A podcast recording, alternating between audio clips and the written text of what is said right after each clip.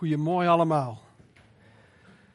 Een heel, heel gelukkig nieuwjaar. Als u er vorige week niet bent geweest, dan uh, wens ik u de aller, allerbeste wensen. Ik weet natuurlijk dat u dat ook naar mij toe doet. Um, maar het is goed om elkaar een goed nieuwjaar te wensen. En ik weet niet of u een beetje zin hebt in het nieuwe jaar. Oh, ja, ja, ja. Ik heb wel heel veel zin in het nieuwe jaar. Want ik geloof dat 2017 voor mijzelf, maar ook voor deze kerk, maar ook voor u, een jaar van verandering en van vernieuwing wordt. Dat is nogal wat als je dat uitspreekt. En soms doen we de dingen, um, ja, zijn we daarover na aan denken en maken we de dingen nog wel eens wat moeilijk voor onszelf. Heb je dat ook wel eens? Dat wij als volwassenen de dingen nog wel eens wat moeilijk voor onszelf kunnen maken? Moeilijke gedachten, moeilijke kronkels. We denken, nou, dit gaat niet lukken, dat gaat niet lukken. Maar soms zijn dingen zo ontzettend eenvoudig. Vanochtend was ik vroeg nog even de preek aan het doornemen. En ik doe dat graag s'morgens, dan is het rustig, is het hele huis stil. En één voor één komen de mensen dan, uh, de kinderen naar beneden druppelen. En uh, Julia die kwam, uh, kwam als eerste naar beneden. En ze kruipt dan even op schoot en komt dan vragen van papa, wat ben je aan het doen?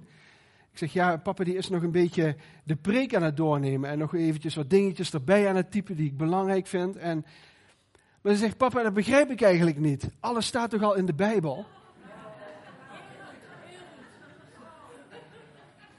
Soms kan het zo eenvoudig zijn. En ik geloof dat echt als u um, uh, de verwachting heeft dat 2017 een ommekeer in jouw situatie kan gaan brengen, dan ga je God daar ook voor vertrouwen dat hij dat gaat doen. Maar als je denkt van ja, ik weet het niet zeker, ik weet niet wat er gaat gebeuren, ik weet niet wat er op me af gaat komen. En je denkt van nou, het zal mijn tijd wel duren. Het zal zo deze situatie wel een beetje blijven. Reken maar dat het zo blijft. Of God doet gewoon vanuit zijn genade iets heel bijzonders. Maar ik wil met verwachting kijken naar het komende jaar. Ik wil met verwachting zien op datgene wat God wilt gaan doen het komende jaar. En ik hoop dat u dat ook heeft.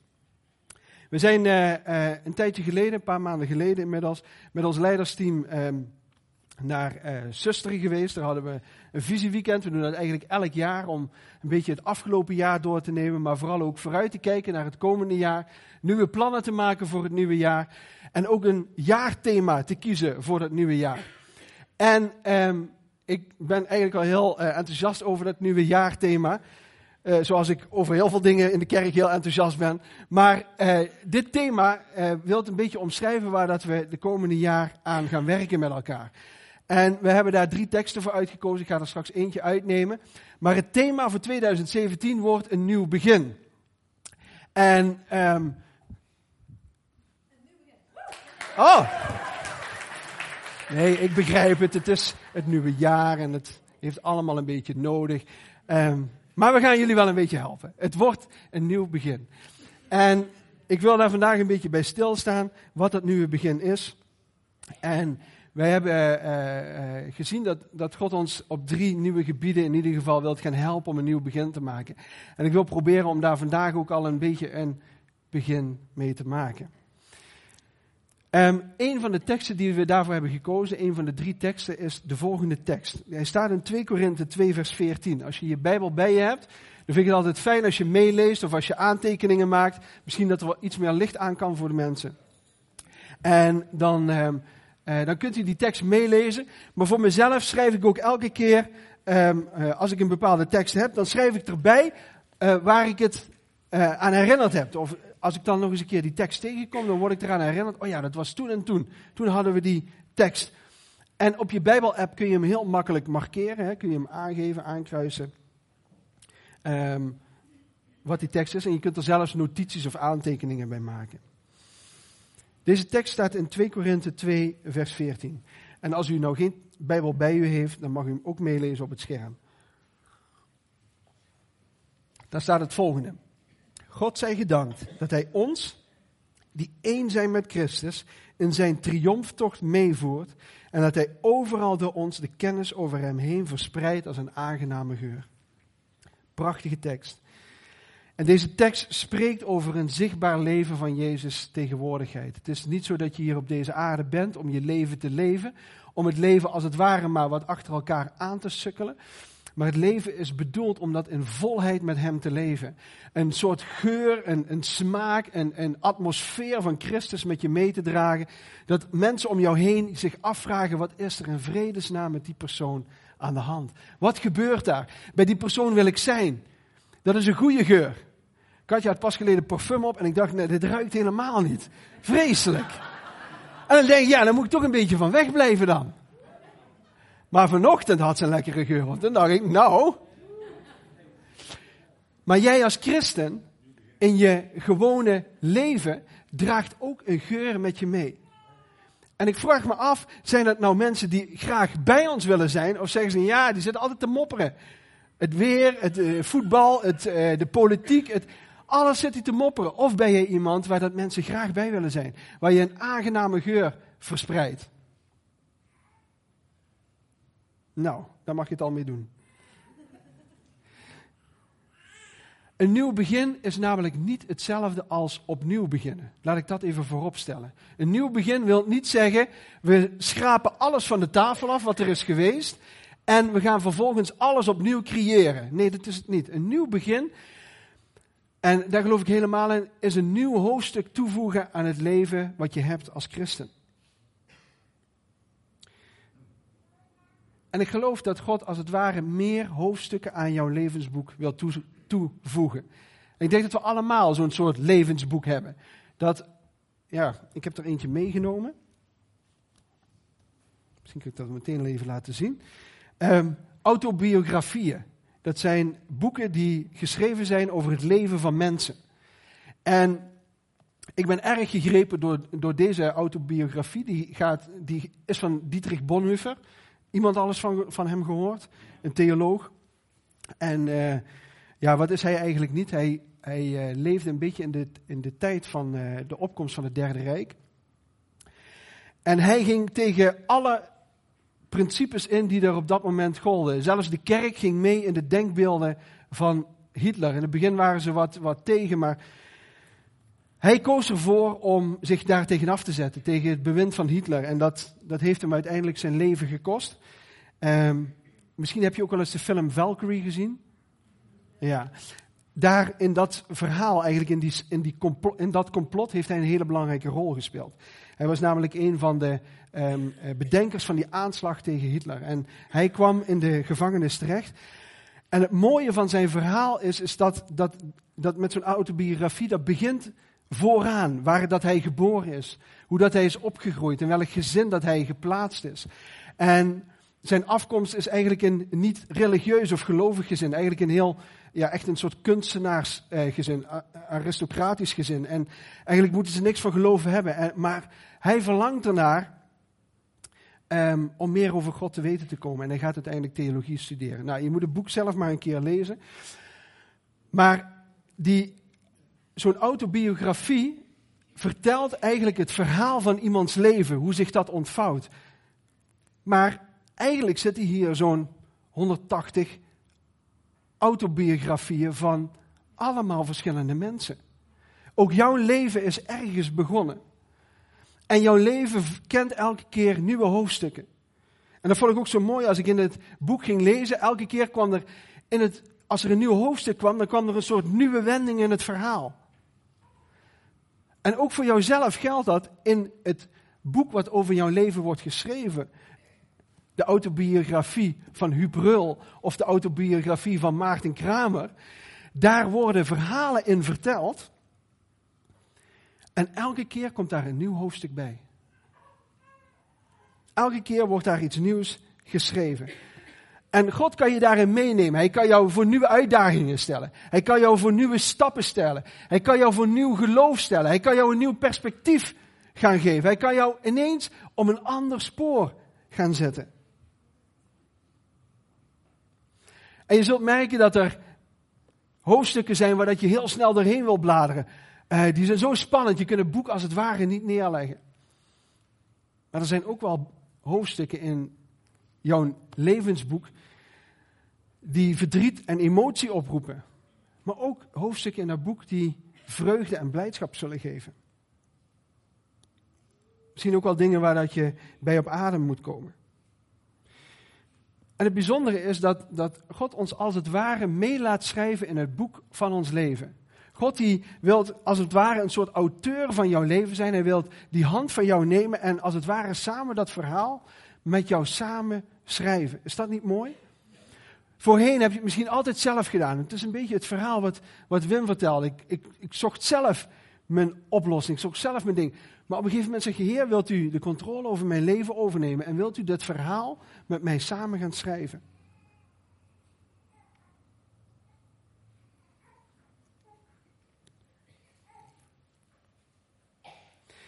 Ik geloof daar waar God ons voor een nieuw begin stelt, als dat het jaarthema is, dan zal Hij ons ook precies geven wat daarvoor nodig is om dat aan te kunnen.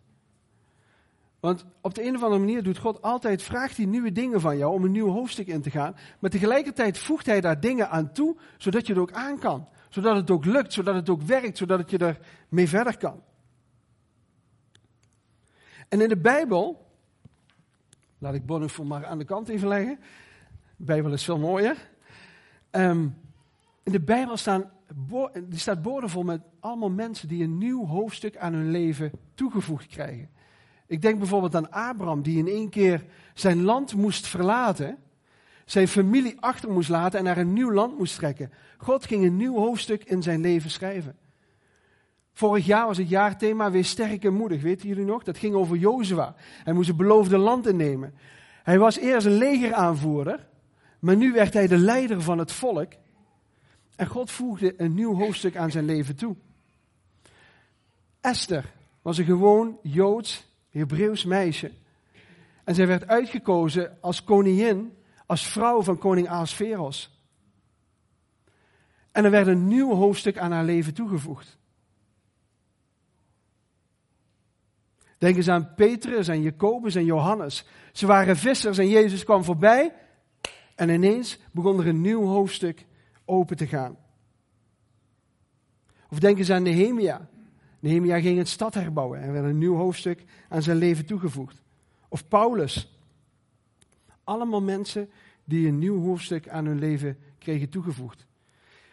En misschien wat dichterbij in onze gedachten, denk eens aan Maria. Die hoorde dat ze zwanger was. Ze zou gaan trouwen met Jozef en ze had zich misschien allerlei ideeën over de bruiloft voorbereid. Ze had misschien al yes tegen de dress gezegd. Misschien was dat allemaal al gebeurd. En dan ineens besluit God om een nieuw hoofdstuk aan haar leven toe te voegen. Het verhaal krijgt een, ineens een andere wending.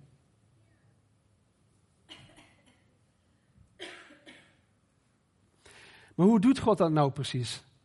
Op welke manier doet hij dat nou voor jou en voor mij? Ook aan jou en aan mij zal hij steeds een vraag stellen. Of hij zal een opdracht geven. Of hij zal op de een of andere manier jou voor een keuze stellen wil jij een nieuw hoofdstuk toevoegen aan het boek wat ik samen met jou aan het schrijven ben. Jezus was ook zo uitstekend in het stellen van dat soort vragen. Ineens werd er een vraag gesteld en de discipelen en zijn omstanders die moesten ineens denken, hé, maar het zit helemaal anders in elkaar. Jezus heeft iets heel anders op het oog. Bijvoorbeeld deze vraag. Wie zeggen de mensen dat ik ben? Of wie zeg jij dat ik ben? Vroeg Jezus aan zijn discipelen, aan de omstanders. Dan moet je ineens denken, hoe zit dat nou?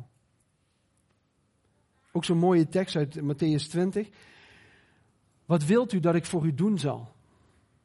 Twee blinden zaten langs de kant van de weg en riepen op Jezus. En Jezus komt dichterbij en die zegt tegen hen: Wat willen jullie graag dat ik voor jullie doen zal? Die blinde mannen die wisten wel wat ze wilden. En Jezus voegde een nieuw hoofdstuk toe aan hun leven? Of deze vraag. Wie heeft mijn kleren aangeraakt? Wie heeft mijn kleren aangeraakt? Met die vraag veranderde het hele perspectief voor niet alleen die vrouw, maar ook voor alle omstanders. Ze zagen ineens wat Jezus toe in staat was. Of in Marcus 6. Hoeveel broden hebben jullie bij je? op het moment dat Jezus die vraag stelde, kon een nieuw wonder gaan gebeuren. De wonderbare spijziging. Hoeveel broden hebben jullie bij je? En Jezus voegde een nieuw hoofdstuk toe aan het leven samen met hem.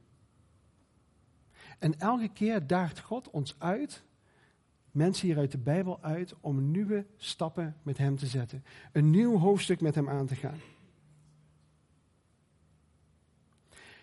Jezus vraagt je gelukkig niet om telkens opnieuw te beginnen. Alles van de tafel weg te vegen. Maar hij wil graag samen met jou een hoofdstuk toevoegen aan het boek wat hij met jou aan het schrijven is. Hij wil het jouw boek maken, samen met hem. En ik geloof dat hij dat ook met deze kerk doet. Ook in deze kerk zijn er elke keer nieuwe hoofdstukken toegevoegd aan deze gemeente. En elke keer in een nieuw hoofdstuk gebeuren daar nieuwe dingen. Is er een nieuwe fase? Is er een nieuw moment? En elke keer gebeuren er dingen. En God blijft dat boek doorschrijven. Zolang dat wij Hem vertrouwen, zolang dat we stappen met Hem durven te zetten.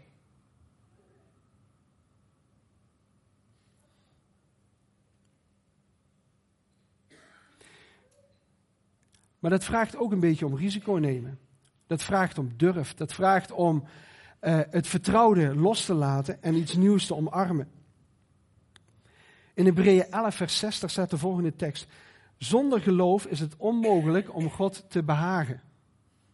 Met andere woorden, um, wij kunnen zo weinig terugdoen naar God. Weet je wel, als je zingt, dan zeg je, oh Heer, ik wil u aanbidding geven.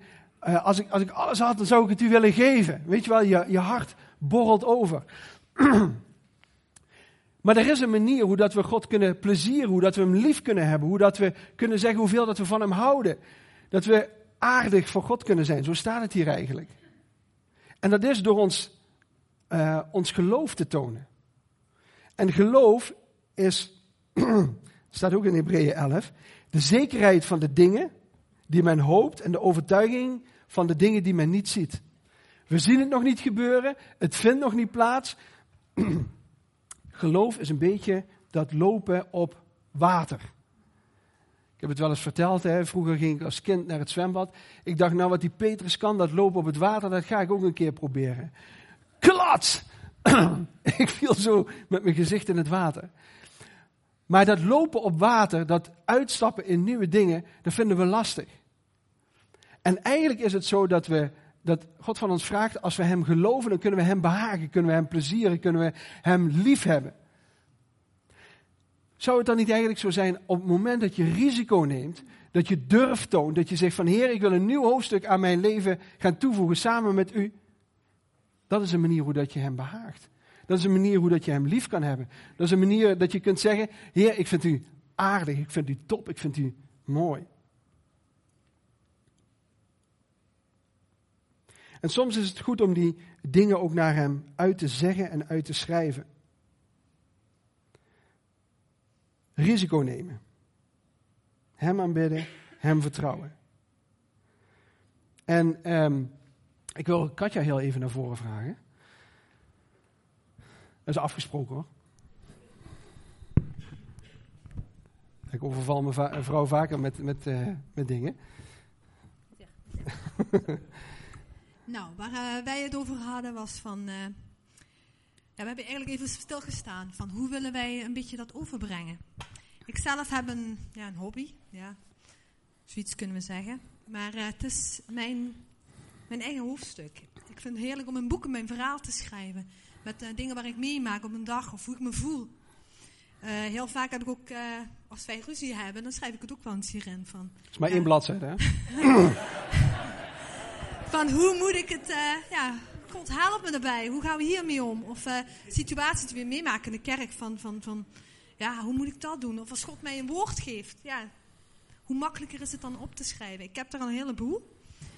En leek ons zo mooi, omdat we ook het thema van dit jaar hadden, een nieuw begin, om, uh, ja, ik ben zelf ook begonnen. Ik heb van Nancy heb ik ook een nieuw boekje gekregen. Dit is mijn nieuw boekje, kwam bij mij op bezoek dat vind ik zo leuk. Als ik gewoon lege boekjes krijg, dat is uh, heerlijk.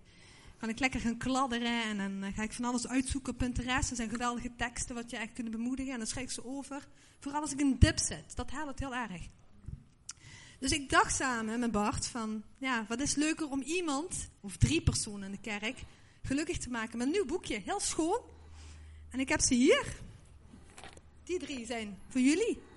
Maar ik heb drie stoelen zelf uitgekozen. Beetje flauw, hè? Maar ik weet niet wie er zit. Ik weet niet, ik heb ergens een briefje gelaten. Ah, daar is. Mag ik mijn briefje? Sorry. Ja, ja, kom maar, kom maar. Dat is voorbeeld. En dit briefje plakt onder jullie stoel. Dus ga allemaal kijken. onder jullie stoel moet er zo'n briefje plakken. Als het niet is, hebben jullie pech? Nee, nee, Maarten. Nee, Maarten. Jij niet, sorry. Ja, één.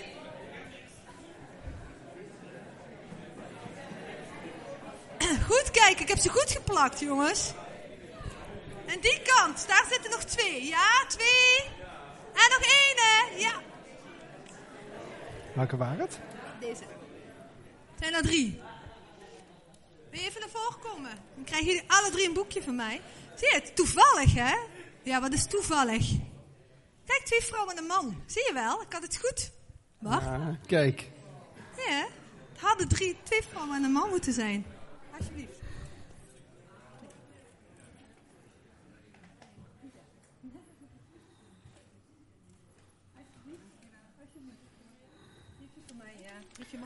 Katja heeft ze al een beetje gepimpt voor jullie. Ja, de binnenkant heb ik even wat leuk gemaakt. Ik hoop dat jullie het leuk vinden. Geniet ervan. Maak een eigen hoofdstuk. Ja, Schrijf mooi. jullie gevoelens, jullie gedachten, je momenten met God vooral erin schrijven. Want dat is heel belangrijk, want dan kun je daarna teruglezen en dat is zo opbouwend. Nou, veel Mooi, plezier. dankjewel. Dankjewel.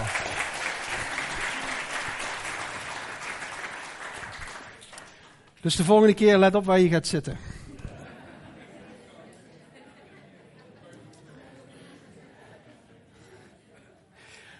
Maar weet je, het is goed om je geloof praktisch te maken. Niet op te hangen aan allerlei rituelen en gedragingen. Maar misschien heb je nu ook een soort idee voor jezelf gekregen wat jij in 2017 zou willen doen. Misschien is het ook wel zo'n schrift gaan bijhouden, zo'n boekje bijhouden om dingen met God te delen. Ik heb ook wel eens over die YouVersion app geschreven. Er staan prachtige leesplannen in, hele korte van een paar dagen. En eh, sommige van een half jaar. Maar ik wil je echt aanmoedigen om een soort ja, ook declaratie te maken. Een soort punt, een soort lijn in het zand te maken van Heer, in 2017 wil ik dit gaan doen samen met u. Ik wil dat nieuwe hoofdstuk wil ik samen met u gaan schrijven.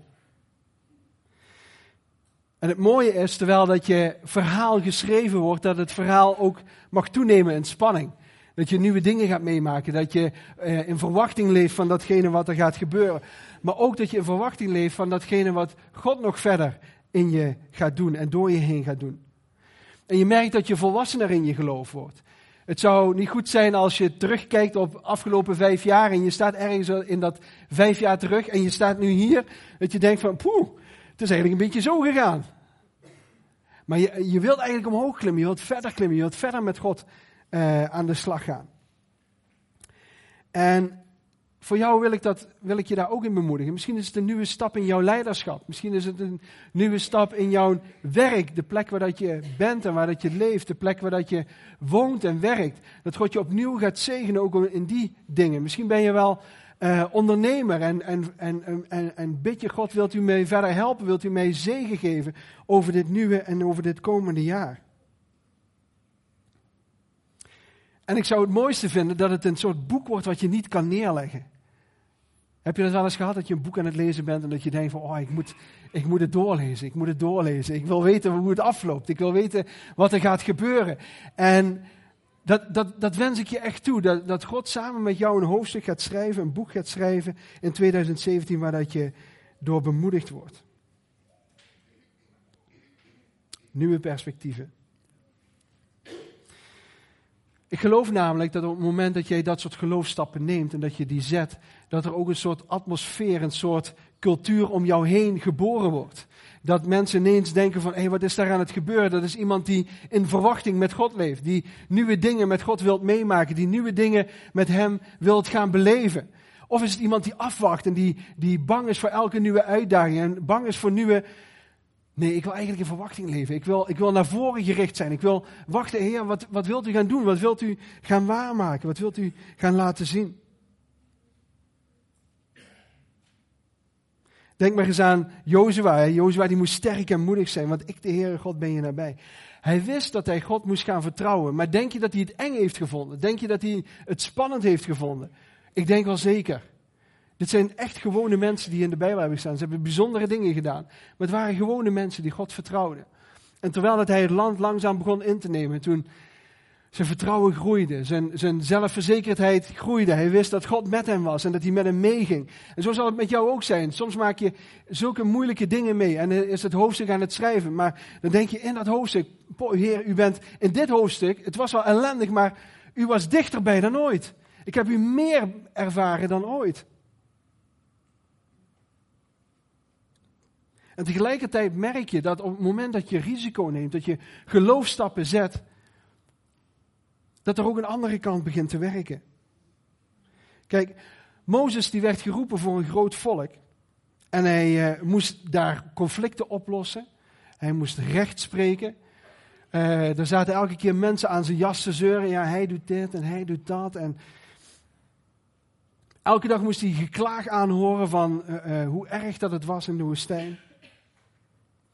Maar daarentegen maakte Mozes hele bijzondere dingen met God mee. Hij was alleen op de berg samen met God. God die sprak tot hem. Zo bijzonder. En Mozes heeft de tien geboden gekregen van God. Tot twee keer toe. Daar waar uitdagingen op je afkomen, is de zegen ook navenant. Denk eens aan Esther, dat gewone meisje waar ik net over vertelde. Hoe dat zij door God gebruikt werd. Zij liet een hoofdstuk toevoegen aan haar leven. Maar God had een plan met haar leven. Haar volk zou vermoord worden. Maar zij was daar aan het hof geplaatst om dat te voorkomen. Ze voelde de spanning, want ze kon niet zomaar bij die koning komen. Die kon haar zomaar doden, ook al was het haar eigen, zijn eigen vrouw. die koning hoefde maar te wijzen. En dan mocht zij, mocht zij naderbij komen. Maar zij was daar geplaatst om dat te voorkomen. Het gekke is dat wanneer dat Jezus een nieuw hoofdstuk aan jouw geloofsleven gaat toevoegen, dat je dan als het ware ook bewust moet zijn van de consequenties die dit met zich meebrengt. Het kan wel zo zijn dat je daardoor grotere strijd ervaart. Het kan zo zijn dat je daardoor meer tegenstand krijgt. Het kan daardoor zijn dat je misschien je omgeving wel uh, mismoediger wordt. Ben je dan nog altijd bereid om die stap te zetten? Je zou het een beetje kunnen vergelijken met het volgende. Ik zat tijdens de preek na te denken over Ralf en Nadine. Jullie zijn hier, hè? Ja. Ralf en Nadine die hebben een kindje gekregen, Zep. En uh, uh, ze hebben de afgelopen tijd heel veel meegemaakt met Zep. Uh, heel veel zorg. Komt het allemaal wel goed? Gaat het allemaal wel goed? En nog steeds zijn die zorgen aanwezig. Maar van tevoren hebben ze gebeden, Heer, wilt u ons een kindje schenken? En ze hebben een kindje gekregen. De zegen die het kindje met zich meebrengt, is zoveel malen groter dan de strijd en de moeilijkheden die je daaromheen ervaart. Voelen jullie een beetje wat ik bedoel? Natuurlijk maken ze die strijd en maken ze die moeilijkheden en maken ze die dingen mee. Maar tegelijkertijd, ja, als ik ze nu zou vragen, um, kun je Zep nog wegdenken uit jouw leven? Weet je, met alle zorgen en alle dingen die erbij zijn, dan zullen ze heel hard nee zeggen. Ze zijn van Zep gaan houden. Ze zijn, die dingen die zijn in hun leven binnengekomen. En zo is dat met heel veel facetten. Als je ergens in uitstapt, dan zul je um, tegenstand gaan ervaren. En zul je uh, uh, uitgedaagd worden om een volgende stap te zetten. Ik denk bijvoorbeeld aan het dienstenteam onder leiding van Arjan en Rijn. Ze gaan dit jaar een nieuwe stap maken met elkaar als team. Wat vaker bij elkaar komen. Elkaar meer vertrouwen, elkaar meer vrijzetten in dingen. Dat is ontzettend mooi hoofdstuk wat eraan toegevoegd wordt aan het hoofdstuk, aan het boek dienstenteam zal ik maar zeggen. Maar tegelijkertijd zullen ze ook merken dat als je intensiever met elkaar optrekt, dan zal het meer gaan schuren. Dan zal het soms meer pijn gaan doen.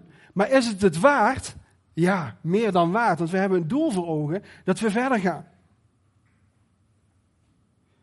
Ik denk even aan Maarten bij het Commercie Help Center. Als, denk je dat hij af en toe niet een beetje eh, eh, gek wordt van alle vragen die op hem afkomen? Alle zaken die hij moet, moet afwegen. Moet ik dit wel doen? Moet ik dit niet doen? Maar zou hij de zegen willen missen die het helpcenter voortbrengt? Ik dacht het never nooit niet. Toch, Maarten? Nee. maar dat is heel gek. Dat als wij stappen met God nemen, dan is er zegen, dan is er uh, voorspoed, dan doet God dingen in jouw leven. En tegelijkertijd merk je ook dat, dat, dat, dat de strijd toeneemt. Of dat er moeilijkere dingen op jouw leven komen. Het is als het ware alsof je een stap hoger zet samen met God. Een soort trap op de treden dat je verder gaat. Dat je hem opnieuw gaat vertrouwen en dat je nieuwe dingen met hem meegaat. En op de een of andere gekke manier denk je, ja, dit is gewoon goed. Dit is gewoon, dit voelt gewoon goed om dat zo te doen.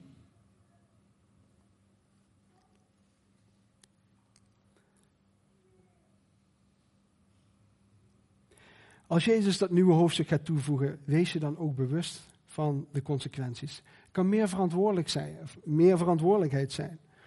Kunnen grotere besluiten zijn. Het kunnen grotere dingen zijn. Het kan zo zijn dat God je meer gaat toevertrouwen. Nou, als je meer toevertrouwd wordt, heb je ook meer verantwoordelijkheid. Zo werkt het een beetje, toch? Ook met je kinderen. Je neemt die verantwoordelijkheid niet van ze af, maar je wilt het laten toenemen. En ik denk dat sommigen wel de zegen willen, maar niet de verantwoordelijkheid. Ze willen wel uh, alles van God ontvangen, maar ja, de strijd dan liever niet. Wie zou dat willen? Wij allemaal. Wij allemaal. Maar we weten ook allemaal dat te midden van grote strijd, van grote druk, dat jouw relatie met God dichter en nauwer is dan ooit tevoren. En dat je weet dat Hij je helpt en dat Hij je er doorheen leidt. Weet je nog? God is samen met jou dat boek aan het schrijven. Hij is samen met jou dat hoofdstuk aan het schrijven. Je bent niet alleen. Hij is bij jou. En wat het mooie is, is dat jouw hoofdstuk niet op zichzelf staat. Jouw boek staat niet op zichzelf. Het staat in een bibliotheek helemaal vol met allemaal boeken van mensen die Jezus willen volgen. En dan wil ik je even de volgende tekst laten zien, want ik heb hem in de Bijbel in gewone taal ook erin gezet. Dus die, die jaartekst van ons. Misschien kun je hem eventjes laten zien. Ik dank God. Uh, ja, dat is hem. Ik dank God. En moet je goed opletten, want het goede nieuws gaat de wereld over. Als een feestelijke optocht om Gods overwinning te vieren. En God neemt mij mee in die optocht, omdat ik bij Christus hoor. God laat mij overal over Christus vertellen. Zo wordt het nieuws over de hele wereld verspreid als een heerlijke geur. Iets andere vertaling, maar het raakt de kern waar het om gaat. Het eerste, laat de volgende dia maar zien, want het goede nieuws gaat de wereld over. Het goede nieuws gaat de wereld over. Als wij die geur van Christus verspreiden, dan blijft het niet alleen tot hier, maar overal op alle plekken waar dat jij komt, daar komt die geur van Christus, die, eh, ik zal maar zeggen, die, die atmosfeer van geloof en van verwachting en van datgene wat God gaat doen in jouw leven, dat, dat, dat draag je met je mee. Die geur die gaat met jou mee op de plekken waar dat jij komt. En dan, dat vind ik zo'n leuke, als een feestelijke optocht om Gods overwinning te vieren.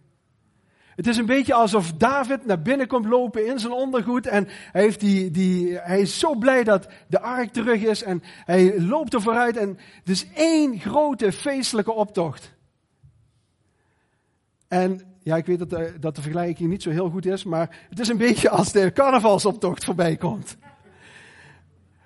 Als je in die tocht zit, dan denk je van, ja, dat is fantastisch. Maar sta je ernaar te kijken en denk je, ja, ja, ja, ik heb er sowieso niks mee hoor, met het hele gebeuren. Maar het is één groot feest wat voorbij komt. En dat is een beetje wat ik me voorstel. Dat als de kerk in beweging komt, dat er zo'n feestelijke optocht voorbij trekt. En dat mensen denken, wat gebeurt daar? Wat is dat voor geluid? Wat zijn de dingen die daar gebeuren? Wat zijn de dingen die daar plaatsvinden? Daar wil ik bij zijn. Ik wil dat meemaken. En dan staat er, jij staat langs de kant en er staat de volgende tekst. En God, laat hem maar zien. En God neemt mij mee in die optocht. Jij staat aan de kant te kijken en dan zegt hij, hey Rijn, ga je mee? Ga je mee in die optocht? Hey José, ga je mee in die optocht? hey Cor, ga je mee in die optocht? Ik wil dat hoofdstuk samen met jou schrijven. En weet je waarom dat hij dat doet? Dat doet hij omdat jij bij Jezus hoort. Jouw verlangen is het om Jezus achterna te gaan, om Hem doel en centraal te stellen in jouw leven. En hij zegt, ik wil jou mee in die tocht. Ik wil jou mee in die feestelijke optocht. Blijf niet langs de kant staan, maar ga mee in die optocht. Ik zei toch dat ik enthousiast werd?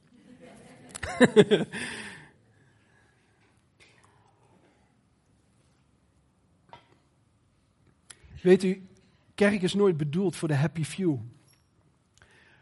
Voor enkele geselecteerde personen. De kerk gaat over ons allemaal samen. Die allemaal opgaan in die feestelijke optocht. Een optocht in je eentje is geen optocht.